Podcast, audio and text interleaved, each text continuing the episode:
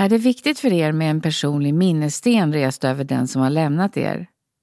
Vi samarbetar med Durus som är en av Sveriges största leverantörer av gravstenar.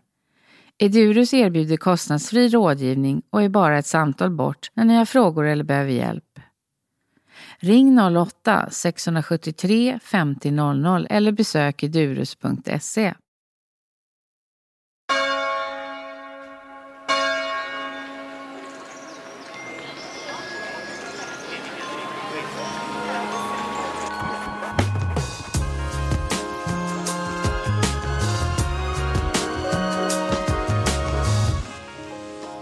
hit Filip de Croy. Tack så mycket.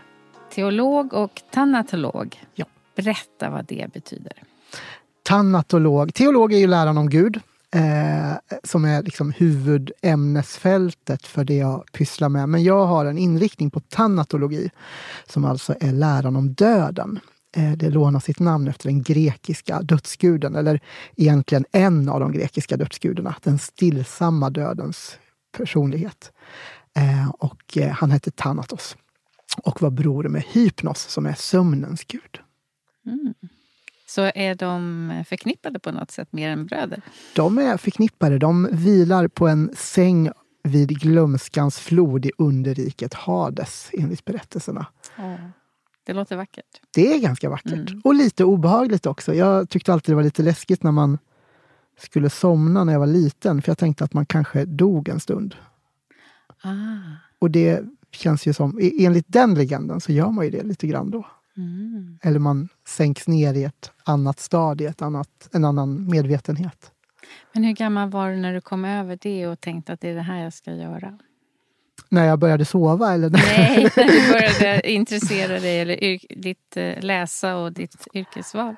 Ja, men det, jag började ganska sent. Jag jobbade med, med helt andra saker från Eller jag, jag har alltid jobbat med skrivande eh, och det gör jag ju nu också. Mm. Eh, men då skrev jag för andra, alltså mycket kommunikation, PR och sådär. Eh, sen så bestämde jag mig för att det var roligt men eh, hade nått vägs ände. Så ville jag ägna mig åt annat och gärna något existentiellt och mer något som betydde någonting. Eh, och att få skriva för sin egen del snarare än åt andra. Så då började jag plugga.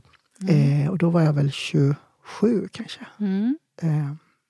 Och du visste precis vad du skulle plugga, att det var åt det här hållet? Eh, ja, alltså i alla fall att jag skulle plugga religion i någon form. För det tycker jag alltid är fascinerande eftersom människor i, i, i så många tider och länder och kulturer och språk har trott på olika saker och föreställt sig olika saker. Så det tycker jag är fascinerande. Eh, att det blev just döden, det växte fram. Eh, det har alltid varit en fascination sen, sen barndomen. Men, men det fanns inte uttalat att man kunde läsa till tanatolog i Sverige då. Eh, utan mm -hmm. det var mhm. något jag fick pussla ihop själv när jag upptäckte att det lästes för lite om döden. Okej, men finns det, kan man läsa om det nu? Har det förändrats på något sätt? Ja, vi jobbar på det. Ja, du är med och... Ja, vi försöker se vad vi kan hitta för lösningar. Nu jobbar jag ju eh, med, med huvudsakligen skrivandet och med döden. Döden, döden. Och eh, tanken är väl att så småningom kunna utveckla. Nu ska jag undervisa i en kurs i Åbo Akademi i höst till exempel. Eh, inom ramen för ett teologisk etik. Mm. Eh, och drömmen vore ju såklart att man utvecklar forskningsfältet tanatologi även i Norden. Det mm. finns ju i Nederländerna på Radboud-universitetet till exempel. Eh, och det finns i Storbritannien och det finns i USA. Men det finns inte riktigt här utan man, man får pussla och skarva och eh, forma ut sin utbildning. Eh, men det vore ju skönt om vi kunde erbjuda ett mer konkret handfast program. Mm. Men när du läste det här, förändrade det dig som människa på något sätt? Skulle du säga? Att, att lära dig alla de här sakerna och kanske lära dig om saker som inte du har så många andra att prata med om? Ja, jag tror ju att man alla formas ju av det man eh, mm. läser, det man tar till sig, det man upptäcker. Och, eh, det är också det är ett mystiskt ämnesfält på så sätt att man kan förhoppningsvis väldigt mycket om någonting men ändå inte det yttersta därför att jag har ju inte heller dött än. Eh, så svaret livet efter detta eller på andra sidan eller bort, bortom ljuset i tunneln, det vet ju jag lika lite om egentligen som någon annan. Däremot vet jag föreställningen om det. Mm. Eh, och jag kan eh, riterna inför det, det som skiljer, med, de riter med vilket vi skiljer liv från död.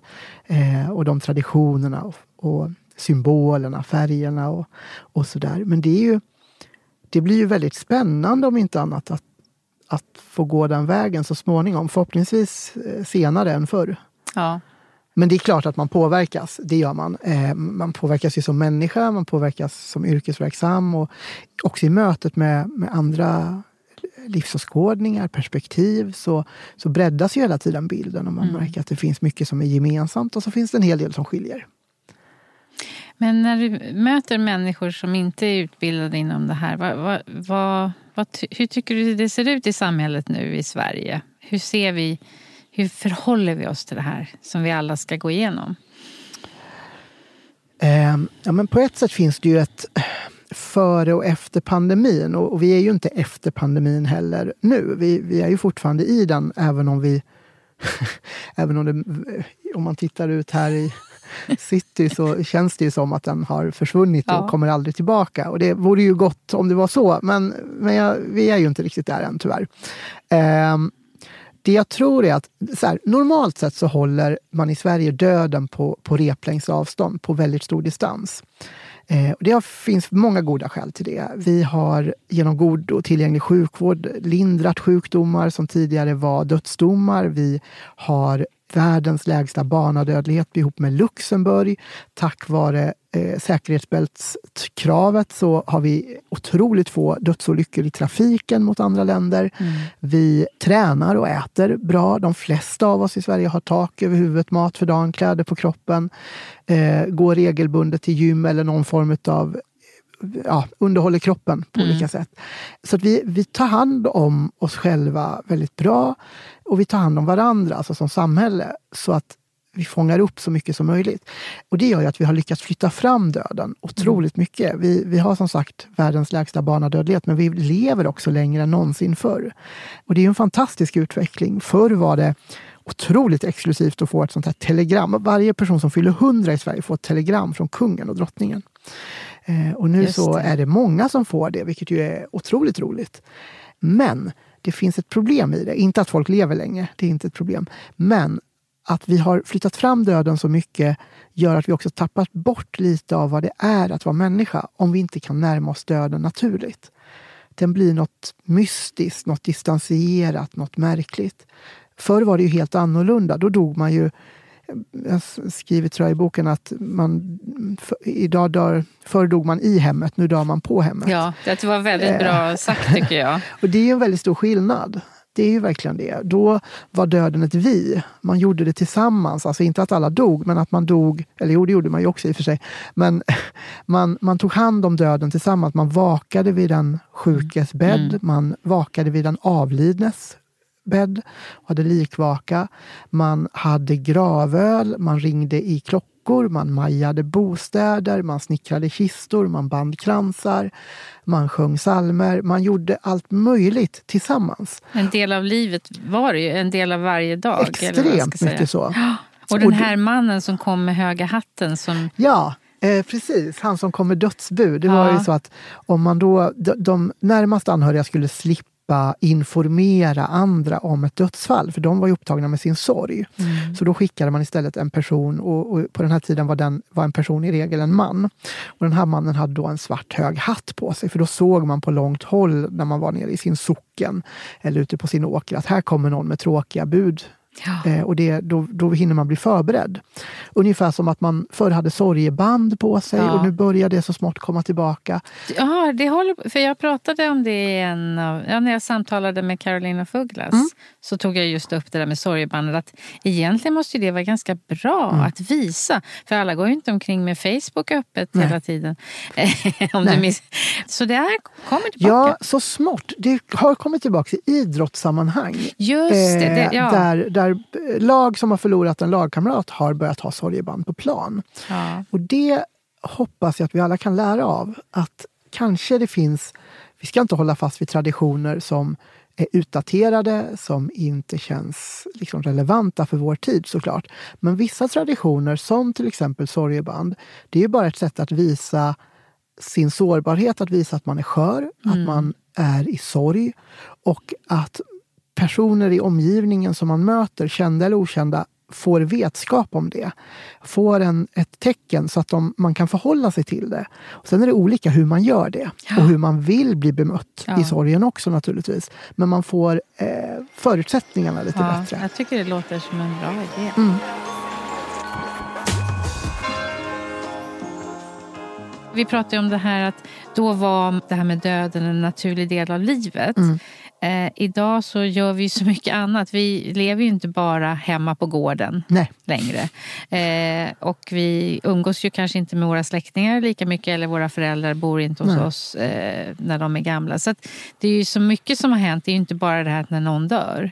Utan hela vårt sätt att leva är ju annorlunda. Mm.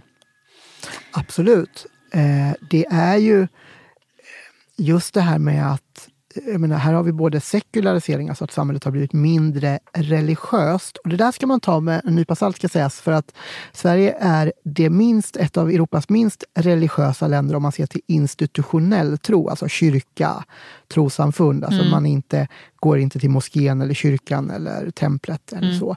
Men Sverige har en väldigt hög andel som anser sig vara spirituella eller andliga på olika sätt. Det kan handla om att man är ute i skogen och möter det gudomliga eller högre väsendet i naturen eller i kristaller eller i olika praxis som kommer från religionen som yoga och annat. Mm. Men ändå så sekulariseringen, alltså att kyrkans makt över människor, kyrkan som institution, kyrkans kontroll har minskat påtagligt. Från det att det var de som hade folkbokföringen och ansvarade för att hålla koll på vem som är gift med vem och vem som faktiskt legat med vem och så vidare, försöka folkbokföra det så gott det går till att det är Skatteverket som är en väldigt sekulär myndighet. Ja. Eh, så är det ju ett skifte naturligtvis. Samma med urbaniseringen, att människor har lämnat sta, eh, landet för att flytta till staden. Från början var det ju, kunde det vara till exempel en dräng som flyttade till stan för att bli industriarbetare. Mm. En piga som flyttade från landet till stan för att bli sekreterare eller hembiträde. Vilket var de vanliga liksom, klassuppdelningarna då. Och det gjorde att samhället har ju förändrats något enormt mycket. Den typen av eh, de samhällsklasser som fanns då förändrades. Den gamla adeln förlorade eh, makt och inflytande på, till förmån för den nya borgerligheten som var de nya industrialisterna, fabrikörerna, eh, mediaägarna och så vidare. Mm. Så att det blev ju skiften på många sätt. Mm. Alltså från jordbruk, agrarsamhälle till industrisamhälle. Mm. Från bönder till arbetarklass i staden till exempel. Ja. Och allt det där påverkade ju också vår närhet till döden naturligtvis i det att vi slutade ju inte dö för det. Tvärtom faktiskt. Folk dog i större utsträckning för det var så mycket olyckor i mm. den tidiga industrialiseringen. Ja, inte minst bland barn. Eh, så var det ju många som... Vi hade ju barnarbete då och det var svår, hårt och svårt arbete som utfördes av alldeles för små eh, händer. Mm. Men inte desto mindre så var ju kontrollmekanismerna samma, eh, färre och sammanhållningen mindre i staden. Folk kunde dö utan att någon märkte det. Därför att man låg i sin lägenhet. Som händer idag. Och, och, så är det ju idag, precis. Och så var det ju inte riktigt på landet på samma sätt. Det är klart, Nej. om du bodde väldigt långt från sockengemenskapen mm. så kunde du, det kunde absolut hända. Mm. Men då fanns det ofta social kontroll. Att kanske var någon som var där och tittade till, kanske någon från kyrkan eller någon från eh, bygemenskapen som var där och mm. kollade. Och framförallt i själva samhället eller i byn så fanns det absolut fanns ju föreningsliv och människor möttes på torget och i, mm. i lanthandeln och så mm. vidare. Och dyker då plötsligt inte någon upp som brukar vara där, då märker man ju av det och man håller mm. lite koll. Och så är det ju inte här i Stockholm till exempel. Nej. Det är ingen människa som håller reda på om en granne två portar ner Nej. är hemma eller inte eller är död. Nej. Det kommer man förmodligen inte veta om. Nej. Så är det ju. Mm. Det är ju bara konstaterat. Ja. Alltså, så, så ser villkoren ut. Men av de traditionerna som du berättar om som man hade då, mm. vilka finns kvar idag kring begravningen? Alltså, det, det kommer ju inte någon man med hög hatt. För då hade man, jag hittade ju ett brev för ett antal år sedan i i Siljansnäs där min mamma kommer ifrån. Och det, det, är en av sakerna som har påverkat mig. Det här brevet med svarta kanter mm. med en, en slags inbjudan till eh, begravning. Ja. Sen har jag varit på KB och jag har sett flera års, år, eh, alltså titta på de här från 1800-1900-talet ja, och så vidare. Mm. Jättefina. Vad är det vi har kvar från den tiden? Alltså på ett sätt så är det ganska mycket. Det som är skillnaden är viet och domet. Eh, det som har, den stora skillnaden är att innan var det vi som gjorde det här. Det var vi som snickrade kistan, det var vi som tvättade kroppen, det var vi som lindade, det var vi som majade bostaden eller ordnade någon form av vaka. Eh, och idag så är familjens ofta roll i det hela i princip bara sista farvälet, om de är närvarande, vilket inte alltid är fallet. Utan istället är det en annan kedja av professionella människor som tar vid där vi andra inte mäktar med. Det kan handla om Dels finns det de som, som är i dödens väntrum, alltså som arbetar i palliativ vård, vård i livets slutskede. Där finns cancerspecialister, där finns sjuksköterskor och undersköterskor. Så också på äldre, inom äldreomsorgen, på ålderdomshemmen runt om i landet. Så det är den första instansen. Sen har du alla begravningsentreprenörer och begravningsförrättare som gör ett fantastiskt arbete med att göra just de här gamla riterna. Som hämtar kroppar, som tvättar kroppar, förbereder dem, kistlägger under värdiga former. Görs ofta under en väldigt fin ritual. I boken så träffar jag Maria som, som eh, bockar och niger för sina medmänniskor i ett särskilt rum, bisittningsrummet, där hon då sen så småningom flyttar till bårhus och kistlägger. Och där hon spelar vacker musik och gör i ordning och pratar med personen medan hon gör det här. Och sen är det ju trosamfund och borgerliga begravningsförrättare som genomför själva ritualen. Det är florister som binder vackra kransar. Det är på många sätt mycket av de gamla riterna och traditionerna, symbolerna som lever vidare. Men skillnaden är vem som gör det. Ja, det är den stora skillnaden. Ja, absolut. Och när det gäller personen med hög hatt den motsvarar egentligen på ett sätt begravningsentreprenören lite grann. Att den så att säga kommer... Eh, alltså, på så sätt att den kommer med, eh, med alltså den organiserar begravningsinbjudan. Mm. Det är via dem man kan få ut en begravningsinbjudan. Mm. Det här vackra kortet som du mm. beskrev precis. Men också Facebook till exempel. Ja, och, annons. eh, och annonser, begravningsannonsen. Begravningsannonsen tog ju vid där inbjudan så småningom lite mm. försvann. Mm. Idag så skickas ju inbjudan, eh, kan göras, för den som så önskar. Men det är inte så vanligt Nej. i Sverige längre, utan det är begravningsannonsen. Mm. Och då sätter man in den oftast i de tidningar som man tror så att säga att den avlidnes kollegor, vänner, mm. bekanta ser. Men det är ju svårt idag i och med att det är många som inte har prenumerationer. Så Extremt det är jätte... svårt. Det är ett glapp där. Svårt. Och samtidigt ser man ju att det är, det är där som det sker, men det sker också via sociala medier. Mm. Där sker det. Och där finns ju också den här möjligheten som, som jag tycker är väldigt vacker och som andra kanske tycker är obehaglig. Så att det är lite olika eh, upplevelser av det. Men just kring detta att man kan få minnessidor av en avliden persons Facebook-sida till exempel. Att den kan förvandlas till en minnessida. Ja. Och den känns ju mer levande än de minnessidor som eh, begravningsföretagen eh, ja, men jag erbjuder, tror, tycker jag. Ja, och jag tror de fyller lite olika funktion. Det kan nog vara delvis en generationsfråga mm. i mångt och mycket också. Att den ena uppskattas nog av kanske farmor och mormor och sådär. Medan den andra, kanske för oss som är mer liksom, yngre och mitt i livet mm. och kanske det är enklare med de sociala medierna. Ja. Så får man ju upp också, jag tycker så fint är att personen lever vidare genom minnena. Ja. Man brukar ju säga att jag, jag hoppas att, att vackra minnen ska bära dig genom sorgen eller något liknande. Mm. Eh, hur man nu formulerar sig. Men, men och, och, då tänker jag att här, om sociala medier kan göra något riktigt bra så är det ju att lyfta fram de där minnena. Mm. Att, att visa på så här, då gjorde du det här med den här personen. Mm. så får man stanna upp en stund och tänka på personen. Och, och förhoppningsvis också inte bara sörja utan också le och, och vara tacksam över det som var. Mm. Och det är en fin funktion.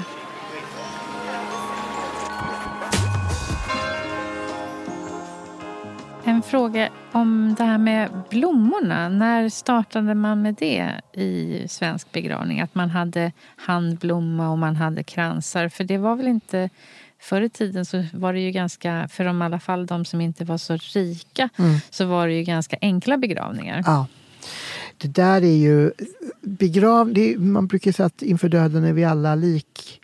Ah, eh, och det är ju inte riktigt sant alltså det har ju aldrig riktigt varit så. Det har varit lika på så sätt att människor ska få komma i jord. Mm. Eh, men dels har det inte alltid varit så ens. Nej. Eh, vissa har begravts utanför eh, vigd jord därför mm. att de då enligt tradition, kyrka eller kultur har betraktats som utanför nåd, utanför möjlighet att komma in i himlen eller liknande. Det kan ha varit saker som egentligen bara handlar om person, djupt personliga tragedier mm. eh, som borde vara föremål för kyrkans omsorg men som har blivit föremål för skam och, och, och skuldkultur mm. istället. Det har varit självmord till exempel. har varit mm. ett sånt.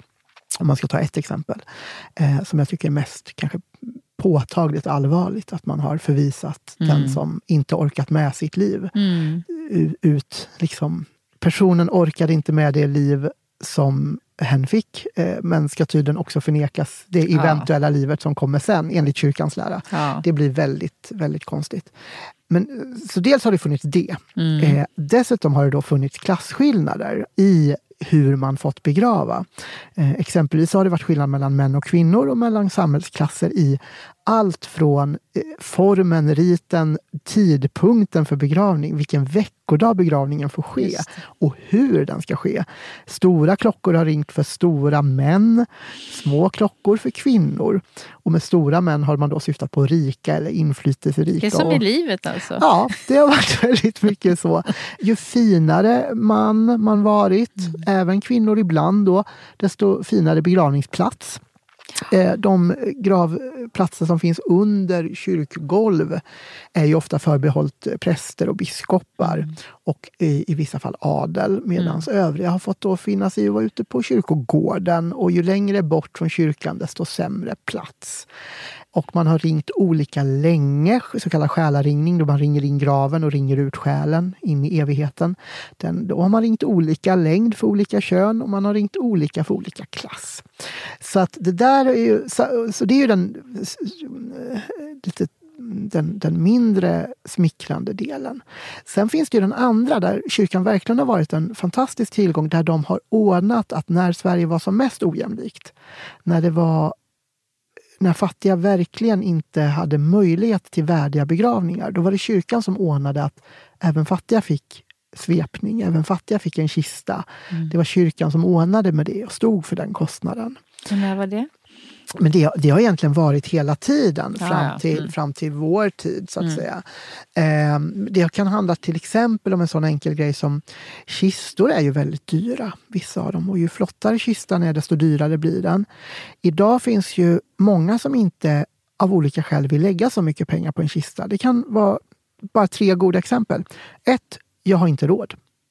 Vilket är en skam och skuld mm. som många känner som vi måste komma bort ifrån. Mm. Det är fullt rimligt att inte lägga mer pengar än vad man har och än vad dödsboet kan betala mm. för någonting som ska ner i marken eller in i en kremeringsugn. Mm. Finns ingen anledning. Om man inte vill och kan, mm. då ska man naturligtvis få göra det.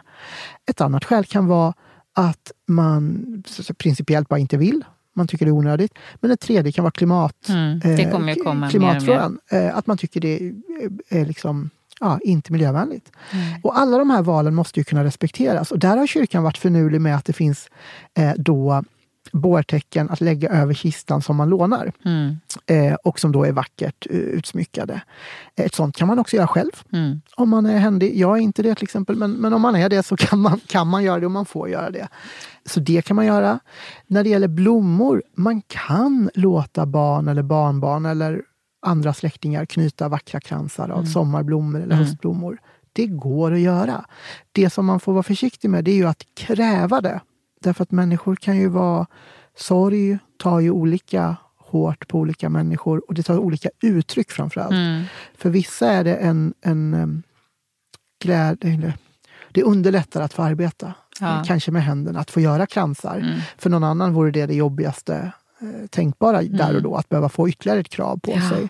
Så det där är ju en balansgång att hitta. Men blommor är en kostnad. Eh, mm. Och ju praktfullare blomsterarrangemang, desto dyrare. Och florister är otroligt skickliga och det är vackra arrangemang, mm. men de kostar. Mm. Det måste inte vara det. Det måste inte vara det.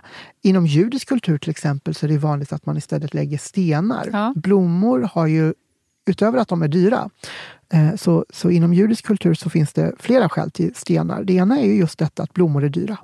Det blir en tävling kan, alla om... kan ta en sten, säger Exakt, de. egalitärt. Alla kan plocka en gråsten på väg till mm. begravningsplatsen. Den behöver inte vara vacker, den behöver inte vara formad på något sätt, utan det kan vara en sten. Det viktiga är symbolen. Mm. Jag var där, jag, såg, jag var där för dig, jag saknade dig. Mm. Det andra är ju att en sten är evig. Mm. Blommor vissnar och dör. Mm. Blommor blir alltså en symbol för döden mm. vid begravningsplatsen.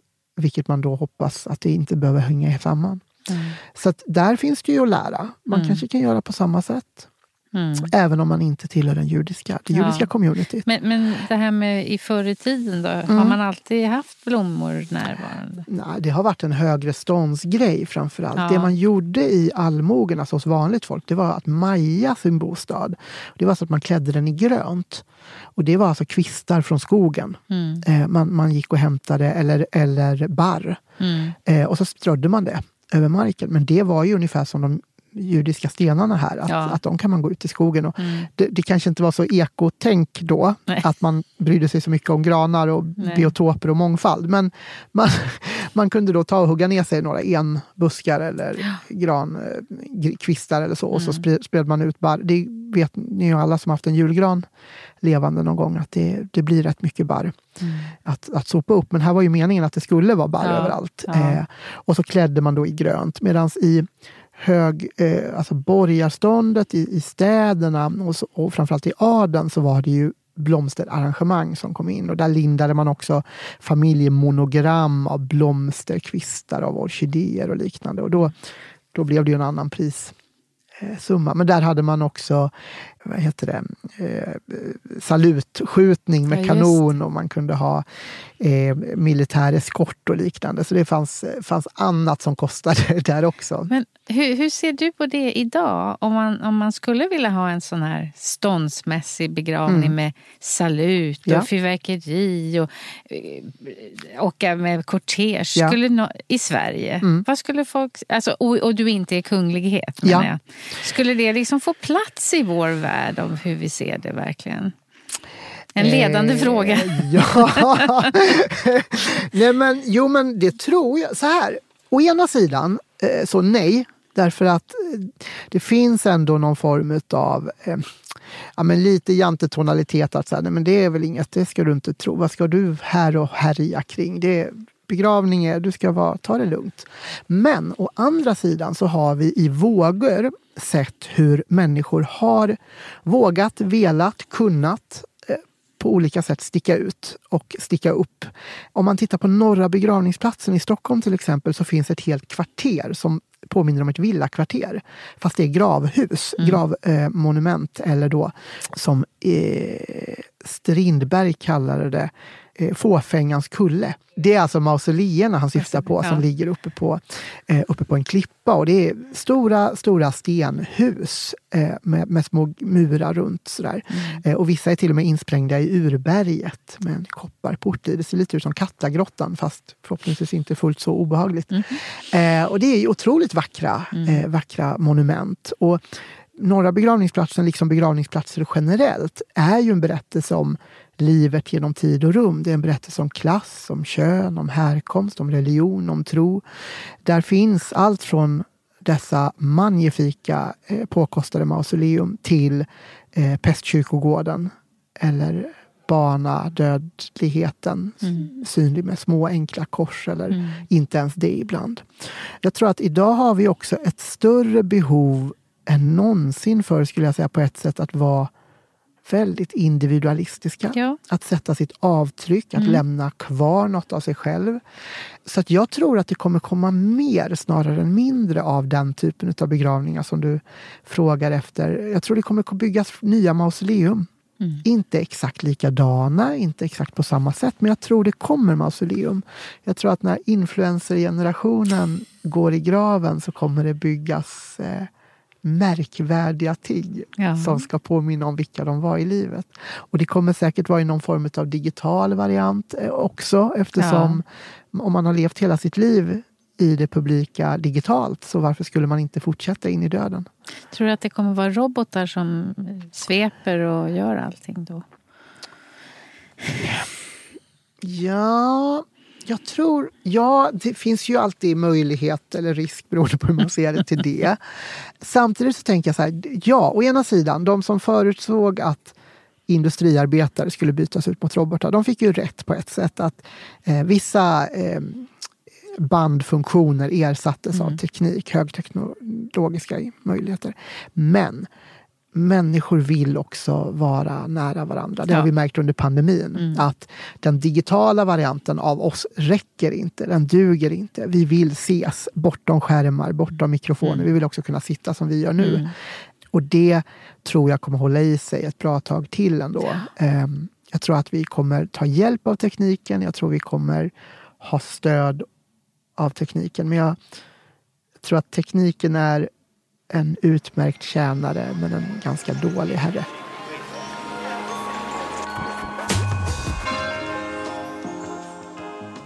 Men ja, intressant här att du pratar om individualismen. För det är precis vad jag hade i tanken när jag startade den här poddserien. Det är ju också, jag ser ju hur människor är. Att de vill, vi är ju mer och mer individer. Mm. Och, och pratar om oss själva och vi har våra egna ja, sociala medier. Allting är ju väldigt mycket i individen. Mm. Och därför tror jag också att det kommer att påverka hur vi ser på vår begravning. Att vi vill ta mer ja, bestämma lite mer kanske och inte bara gå i en tradition. Mm.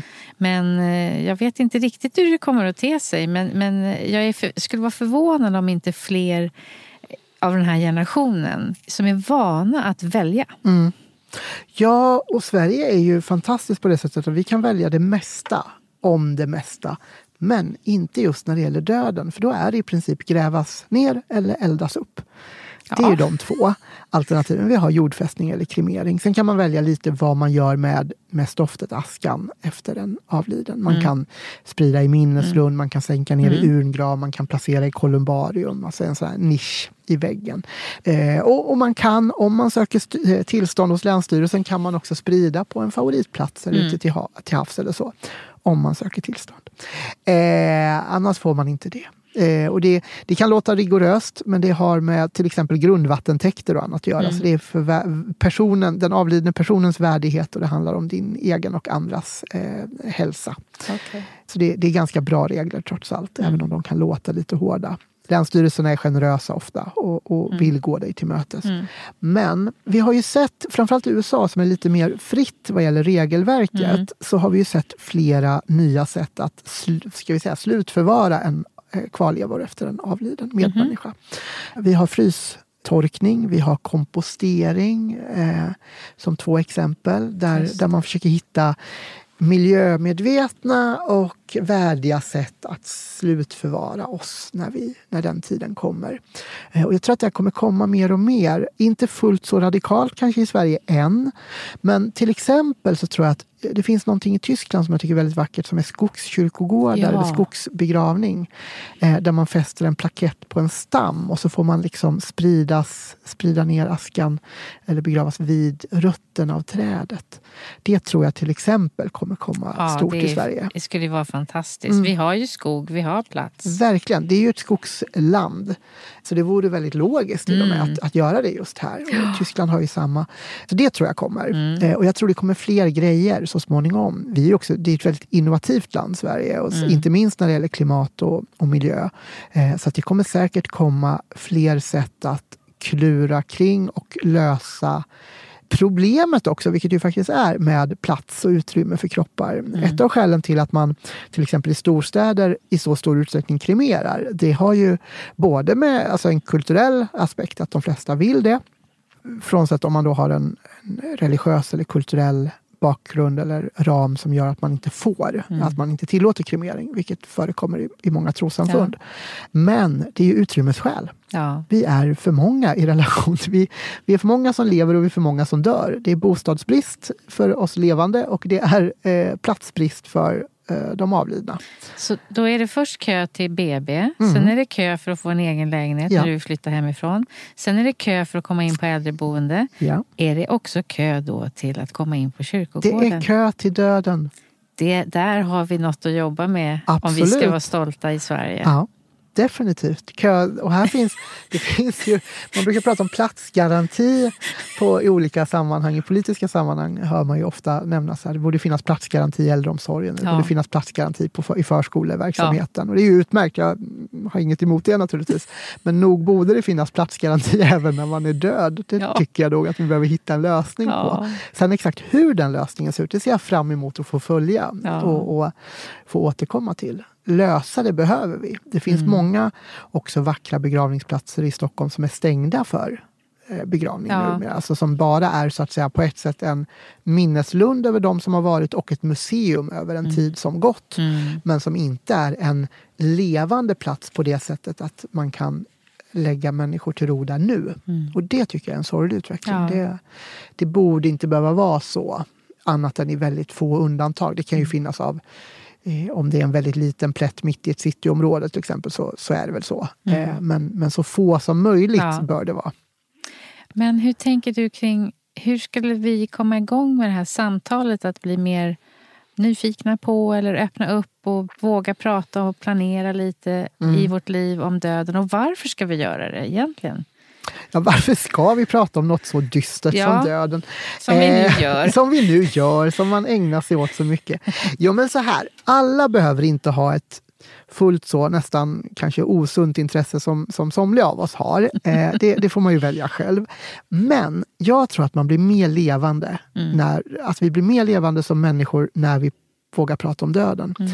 Därför att vi blir bättre på att ta vara på varje minut, dag och år av liv. Mm. När vi vet, när vi är påminda om att vi är dödliga. När vi vet att tiden är begränsad. Därför att det finns inga samtal som är så innerliga och djupa och spännande som de som sker i dödens absoluta närhet. På dödsbäddar, mellan anhöriga, mellan vänner. Det är där det sägs som borde ha sagts för länge sedan. Det är där kärlek uttrycks, det är där sår får läka, det är där konflikter får komma samman, där människor kommer till ro med varandra. Och tänk om de hade fått göra det medan tid var. Då hade man kanske kunnat få njuta av varandras sällskap. Sår som borde ha läkt för länge sedan kanske hade fått tid att läka. Och man hade fått en ny relation. Det, det finns så mycket, vi förlorar så mycket på att hålla inne på det. Det är det ena skälet som är absolut viktigast. Både för den döende och för de som har lite, alla är döende, men de som har lite längre kvar innan det är dags. Det andra det är att döden kommer med många frågor och många konflikter. Det handlar om frågor för både den som är döende, men för de som blir kvar. Eh, när man pratar om livet efter detta ja, syftar man ju ofta på ett spirituellt liv efter detta, himlen, helvetet. Och, och det är inte det jag riktigt menar med livet efter detta i, i, i det här sammanhanget, utan det handlar om livet när, när telefonen efter den du har älskat tystnar, därför att den har gått ur tiden. Om det värsta händer, att ditt barn försvinner före dig, när det skrattet tystnar, när hämtningen inte ska göras, när skorna står kvar i hallen. Det är en sån det är en helt, ett helt annat liv eh, före och efter. Men man måste hitta det livet. Man måste på något sätt komma tillbaks, hur obegripligt det än är, så måste man hitta tillbaka till det livet. Till ett nytt liv. Och där måste vi våga bära varandra. Att, att försöka hitta vägar för det. Men när människor har dött så lämnar de ju dels ofta materiella tillgångar. De kan man bråka om. Det, det är testamente som gäller då och så är det arvslagstiftningen. Och där är det nog så mycket konflikter som det är. Det kan handla om allt från en chiffonier till eh, miljoner beroende på helt vad man har för förutsättningar och ekonomi. Men vad nästan värre är, för materiella saker är ju trots allt världsliga saker, så är det det där med att man också lämnar efter sig frågetecken och konflikter kring vem man faktiskt var och hur man ville ha det sen. Eh, alltså, så här. Den avlidne ol- hade olika relationer beroende på om det var en partner, föräldraskap, barn, syskon, kollegor. Man spelar ju kanske inte roller, men man har ju lite olika man har olika roller. Man kanske inte spelar roller, men man har olika roller på olika, i olika sammanhang av livet. Det betyder också att man har olika pusselbitar av personen. Och de behöver inte alltid passa ihop. Det kan vara så att de skaver lite mot varandra och i det där skavet så uppstår konflikter. Jag vet att hon ville ha smörgåstårta. Nej, jag vet att en ville ha eh, svampkrustader. Jag vet att personen ville vara i kyrkan. Mm. Nej då, hon pratade aldrig om kyrkan. Hon skulle begravas eh, eh borgerligt, icke-religiöst. Och så har man konflikter. Helt i onödan. För tänk om man hade pratat om det istället. Mm. Och om man inte orkar, vill eller kan prata om det, skriv ner det. Mm. Skriv ner det i det som brukar kallas sista viljan. Det finns lite olika modeller för det. Man kan titta på begravningsbyråer och mm. på internet och, och, skriva. Men, och det dokumentet ska förvaras någonstans där dina anhöriga sen får tag i det. Därför att då inte bara får du själv bestämma hur du vill ha det. Din sista fest, din sista stund på jorden. Som en fest, en avskedsfest. Mm. Där du kan bestämma vad folk ska äta, vad folk ska dricka, vad folk ska ha på sig, hur folk ska, inte bete sig kanske, men ja, more or less. Så är det också så att du underlättar så mycket för dem att komma ihåg dig som du faktiskt ville mm. vara och var istället för hur de tolkade dig utifrån sina berättelser. Mm. Och det är inte, folk bråkar inte om det här för att de vill illa eller för att de är elaka människor eller någonting, utan det handlar ju bara om att vi är komplexa. Ja. Vi visar olika sidor av oss själva i olika sammanhang. Och det måste inte vara exakt samma, det måste inte vara linjärt. Mm. Så det är inte bara att hjälpa sig själv och få det som man vill utan snarare hjälpa de anhöriga? Ja, både och där. Men om man ska vara krass så är det ju de anhöriga som är kvar. Ja. Med sin sorg, sin saknad, kanske sin lättnad. Sorgen kommer ju i många känslor och ja. former.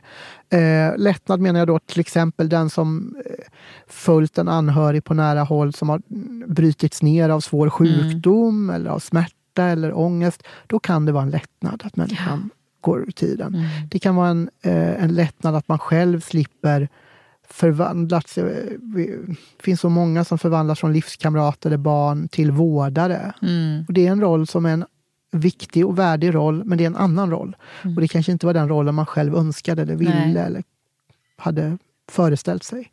Så ilskan finns där, sorgen finns där, smärtan finns där, men också lättnaden. Och ibland är det ju så att människor har dåliga relationer. Mm. Eh, att det inte funkar, att inte personen var en bra förälder eller en bra farmor eller vad det kan vara. Och det måste också få plats. Ja. Eh, att man inte behöver beskriva allt. Man säger ju ibland att man ska inte tala annat än gott om de döda.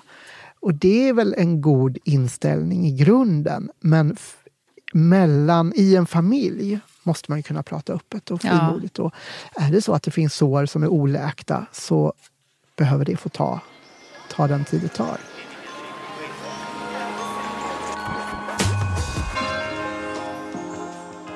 Du pratade om i din bok med den fina titeln Boken för dig som en dag ska dö. Jag tyckte det var en väldigt fin titel. Tack snälla.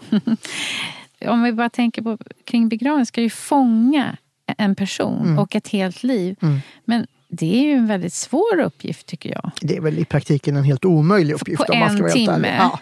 i en det, lånad plats. Ja. Det finns ju ingen människa som, hur skicklig begravningsförrättaren än är, religiös eller inte, så finns det ingen som klarar av det. Nej. Så är det ju. Men går det, göra, går det inte att göra mer där? Eller, eller är det... Jo.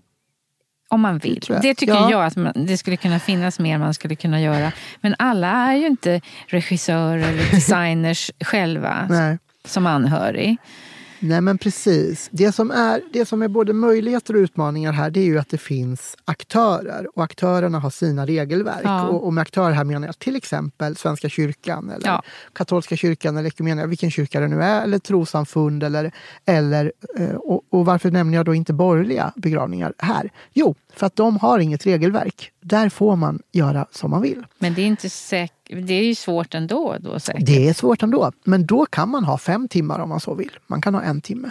Man kan ha en halvtimme. Ja, man kan välja sånger själv, man kan välja plats själv och arrangemang själv. Så där finns en friare ram.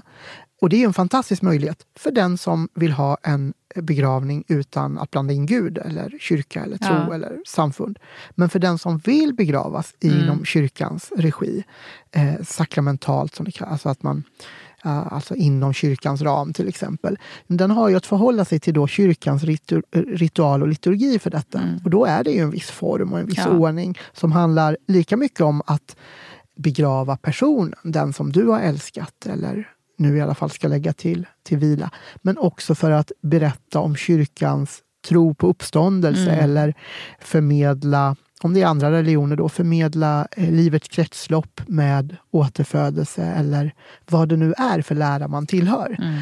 Så då delar man ju utrymmet med någon, en, en, annan berättelse. så att säga. Det är berättelsen ja, om ja. personen och det är berättelsen om tron. Ja. Och de här måste på något sätt samexistera. Och det tycker jag kyrkorna i regel lyckas väldigt väl med, och trosamfunden.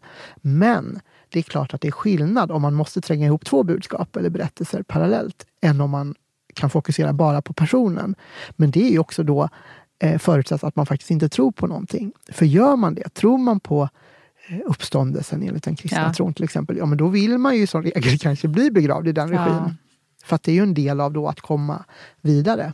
Men jag tänker på de borgerliga begravningar som kanske anordnas, så kanske man ändå tittar på traditionen ja. som fanns inom kyrkan. Ja. Så det blir ju inte någonting helt annat. Man kan ju göra något helt annat, jo, men, men det är ju helt sant. Det är då ju... måste man ju ha det nästan som yrke att vara ja.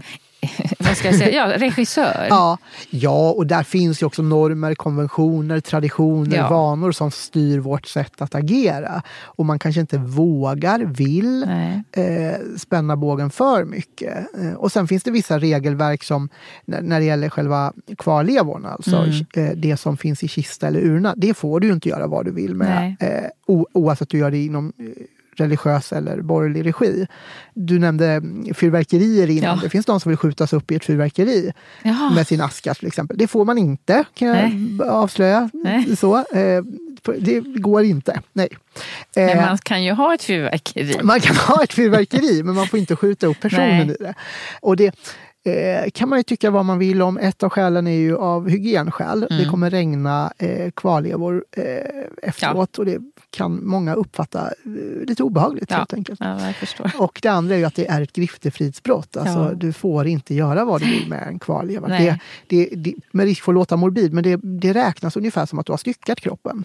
Det är okay. ungefär samma sak för att du har då delat, Separer upp, ja, ja. Du har delat upp kvarlevern av en, av en avliden människa. Det är ju skillnad där mellan djur och människor till exempel. Jag forskar på husdjursbegravningar. Ja. Eh, och där, av tradition så är det ju så att djur lämnar efter sig kadaver medan människor ja. lämnar kvarlevor. Och den där gränsen håller nu på att suddas ut rätt mycket ja. där vi begraver husdjur i en mänsklig form. Men, men det där är ganska nya Mm. Nya grejer. Men, men skjuta upp i raket går inte.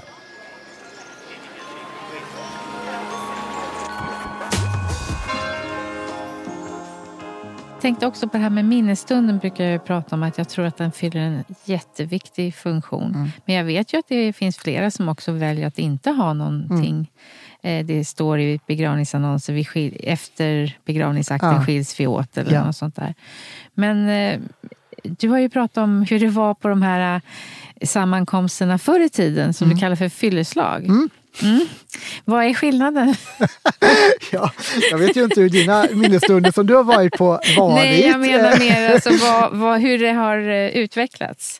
Ja, men... För det måste ju ha fyll, haft en funktion att Absolut. träffas och äta och dricka. Då. Absolut. Mat och dryck har alltid fört människor ja. samman. Så är det. I fest och sorg ja. så har man ätit. Ja. Det kan man se återigen inom judisk kultur till exempel. Ett, ett um, folk som har varit förföljt i, i alla tider på grund av olika typer av eh, liksom, rasistiska föreställningar om, om det judiska så har man drivit dem ur Egypten och ur, liksom, och med naturligtvis Shoah, förintelsen som värsta mm. exempel. Och då är det så fantastiskt med den judiska kulturen att detta till trots, eller kanske just därför, så har man vid varje högtid, vid varje fest, vid varje helg samlas man till en måltid och så skålar man för livet. Mm. Och Det tycker jag är fascinerande hur man, hur man orkar hålla mm. livsgnistan och modet och sammanhållningen upp. Och det är väl just därför kanske också som mm. det har blivit så centralt. Mat och dryck är centralt mm. hos människor och därför äter vi i glädje och därför äter och dricker vi i sorg. Och det gjorde man, och förr var det då så att man, man gjorde ju det här i kanske lite för stor utsträckning på så sätt att man hade då eh, likvakan, sen hade man ju då olika Idag så är det ju till exempel så här att, ja men vi pratade ju om det med, med skillnaden idag att förr var det kyrkan som höll koll på eh, vem som är gift med vem och vem som mm. ligger med vem. Då, då, hade man till exempel lysning för att man skulle kunna uppmärksamma om det var ett gift, alltså om någon var gift redan mm. eller om någon var släkt med den den hade mm. tänkt gifta sig med ja. men inte visste om det till mm. exempel för att någon hade barn på bygden och sådär. Nu är det Skatteverket som håller koll på det där istället. På ett liknande sätt är det med, med det här med arv och testamente. Idag är det ju ett juridiskt reglerat begrepp där, där det är jurister eller dödsboet som mm. gör en invent alltså man inventerar ju alla föremål och så mm. gör man en bouppteckning och sen fördelas det här enligt vissa regler. Eh, då var det inte lika nitiskt på det Nej. sättet. Det fanns en arvslott eh, som var inte helt jämlik heller för det var lite olika för kön och lite olika mm. sådär.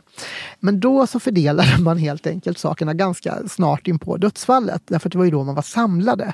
Man kunde inte med de avstånden och med de kostnaderna och så vidare, och med det livsstil man hade då, mm när kor ska mjölkas tidigt i gryningen och, och hö ska hässjas och så vidare. Mm. Att springa runt på olika typer av bouppteckningar och liknande. Så då fick man samlas när man samlades. Så, runt, eh, så det var inte ovanligt att den här kedjan från sjukdom till dödsfall och ner i graven var ganska kort och ganska intensiv. Och där man eh, vakade vid sjukbädden först och sjöng salmer och, och försökte skicka med andlig färdkost in i dödsriket och sen hade man likvaka direkt och då tog man kanske en liksup eh, för att sörja. Eh, sen så delade man upp den där moraklockan och köksbordet och allt vad det var mm. nu som stod i, stugan eller i, i torpet eller gården.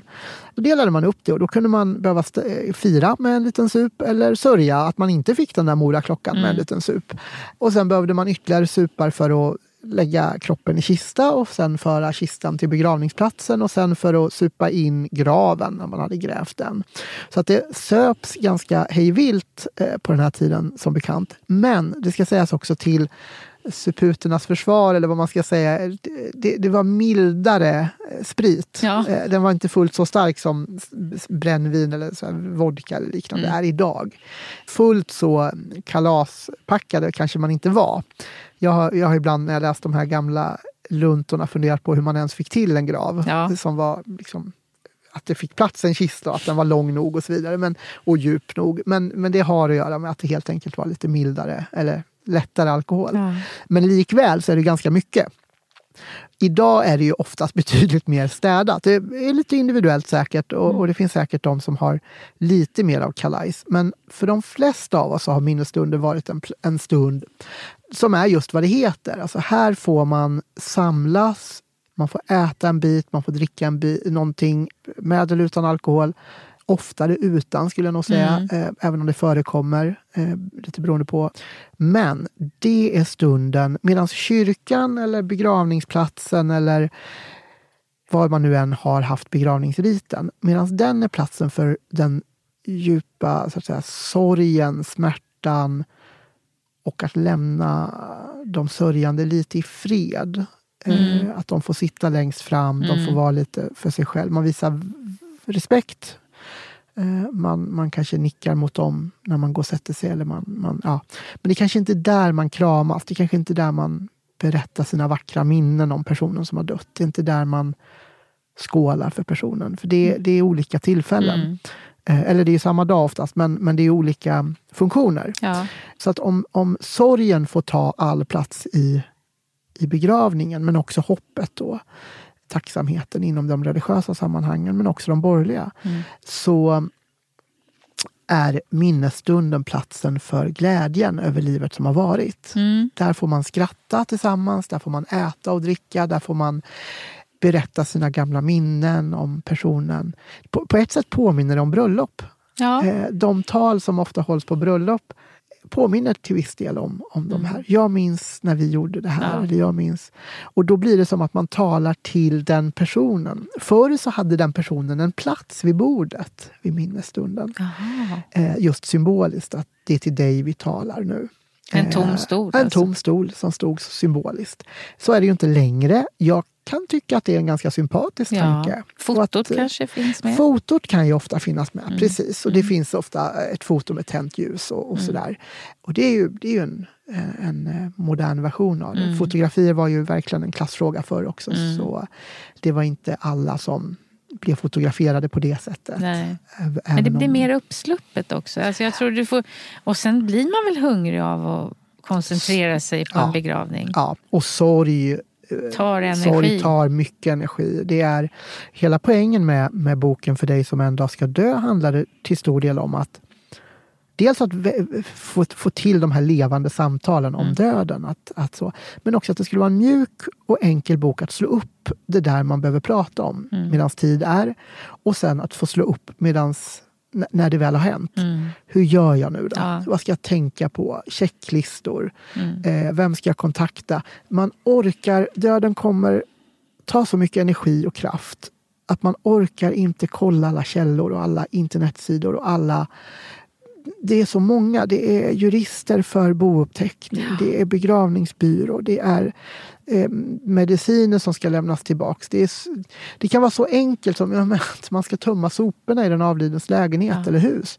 Jätte lätt att glömma bort. Mm. Fullt rimligt att glömma bort, men det är därför jag skriver det. Mm. För att det blir ju äckligt Ja. efter ett tag eh, när, när, när sopor ligger och, och, och ruttnar i, i en... Kanske också då när man stängt av värme och sådär så att det helt plötsligt är nedsläckt och så. Och sen börjar det lukta. Och sen så ska man så småningom lämna tillbaks lägenheten eller sälja huset och då har man ett problem med det Ja, istället. just det. Eh, så att det finns här, så, så enkelt som möjligt ska det vara. Eh, och så, så mycket samlat som möjligt. Och, och det gäller generellt. Att vi ska prata om döden mer, men vi ska göra det enkelt för varandra. Mm. Inte Men varför är vi det. så rädda? Alltså är det död, rädslan för döden som gör att det är problem att prata om det? Är det bara det? Eller är vi ovana? Ja. Är det känsligt att ta upp? Det är nog en kombination av allt det Mm. du säger. Alltså Dels har ju döden varit ett Noa-ord som man säger i Sveriges historia. Alltså Noa-ord får man inte säga för då kommer de till liv. Om man, får vara så. man ska inte prata om döden för då kanske någon dör i din Ja. närhet. Det är en sån där grej som dröjer sig kvar kulturellt, historiskt. Men sen tror jag det handlar om att så här, dels den här fantastiska utvecklingen, att vi har flyttat fram döden så mycket och då är Mm. frågan vad var den får rum. Var får den plats i vår tid och i vår, vår vardag? Bara ett sånt exempel. I, I storstäder i allmänhet, i Stockholm i synnerhet, behövde man ändra regelverket, alltså lagstiftningen.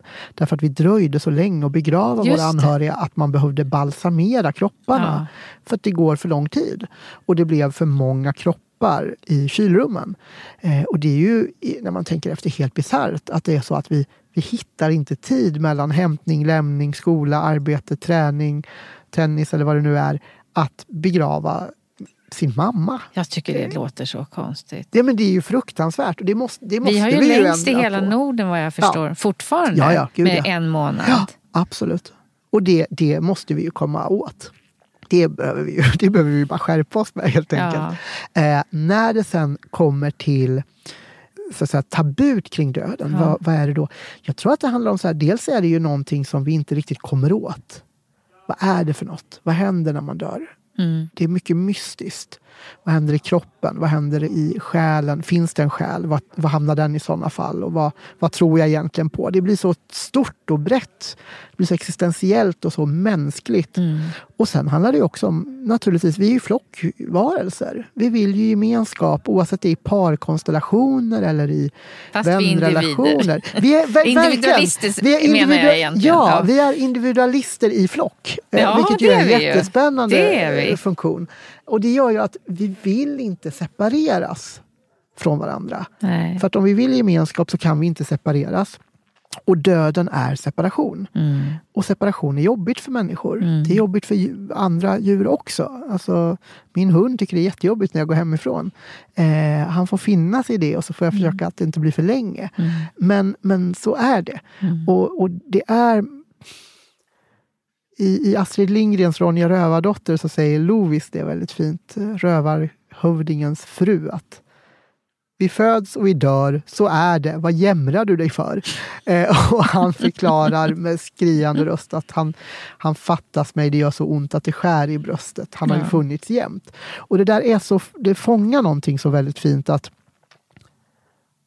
dödens, alltså döden som separation är smärtsam eh, för många och därför vill man helst bara skjuta på det. Vi Ja. behöver inte prata om det. Jag fattar att det sker, men måste vi prata om det hela tiden? Mm. Och, och jag tycker inte heller så här om, om vi har tanatofobi på ena kanten, alltså rädsla för döden, som är omotiverad, en överdriven rädsla. Och sen har vi, har vi liksom eh, dödslängtan i den andra. Alltså sån här domedagssekter eller Ja. kulter där man i princip, alltså, ja, men som den här rörelsen som gick ut i djungeln och drack eh, gift eh, och tog kollektivt självmord. De på liksom varsin kant. Mm. Så tänker jag att vi kan väl lägga oss någonstans i mitten Ja. och säga att vi, vi behöver förhålla oss till döden. Vi behöver våga prata om det och orka bära varandra i den. Men vi behöver inte varken gotta oss i den eller distansera oss från den. För inget av det är realistiskt. Vi kommer behöva dö, vi kommer behöva se, förlora andra. Vi behöver prata om det för att bli mer levande. Mm. Det slår mig, vi som svenskar har väl gjort vad politiska har sagt. Alltså ät så och så många brödskivor som var för länge sedan. Eller du ska deklarera, Mm. du ska göra. Men just kring det här har vi inte fått någon, någon lag som Nej. säger du måste. Nej, Du måste skriva ner hur du vill ha det. Just det. Vi är inte vana att tänka själva. Men jag är lite nyfiken, hur har du tänkt kring din egen död? Eller begravning skulle jag säga. Kring min egen död har jag inte tänkt så mycket. Eller den, den vet jag ju väldigt lite Ja, om än så länge, eh, lyckligtvis. Eh, det jag uppmuntrar ver- verkligen alla till, i och med att just vi vet så lite om vår egen död, Mm. eh, så uppmuntrar jag verkligen alla att skriva ner, eh, både skriva testamente, Mm. men också sista viljor. Ja. Därför att det, jag menar, i värsta fall så kan jag bli överkörd av spårvagnen här utanför när jag går härifrån. Mm. Eh, Så det där vet man aldrig. Nu hoppas jag ju inte det såklart eftersom jag befinner mig någonstans i mitten på den där Mm. skalan. Då. Men jo, men jag har tänkt. eh, Ja. Jag har tänkt. Det finns eh, lite, så, lite musik och det finns lite vem, vem ska förrätta och var föreställer jag mig att det ska ske och var vill jag helst begravas. Och är det kista eller kremering och sådär. Så det, det finns tankar nedskrivna. Mm. Ja. Absolut. Men ingen lång kortege och... det, det, nej, men det, eh, jo, men jag tänkte Riksbron här.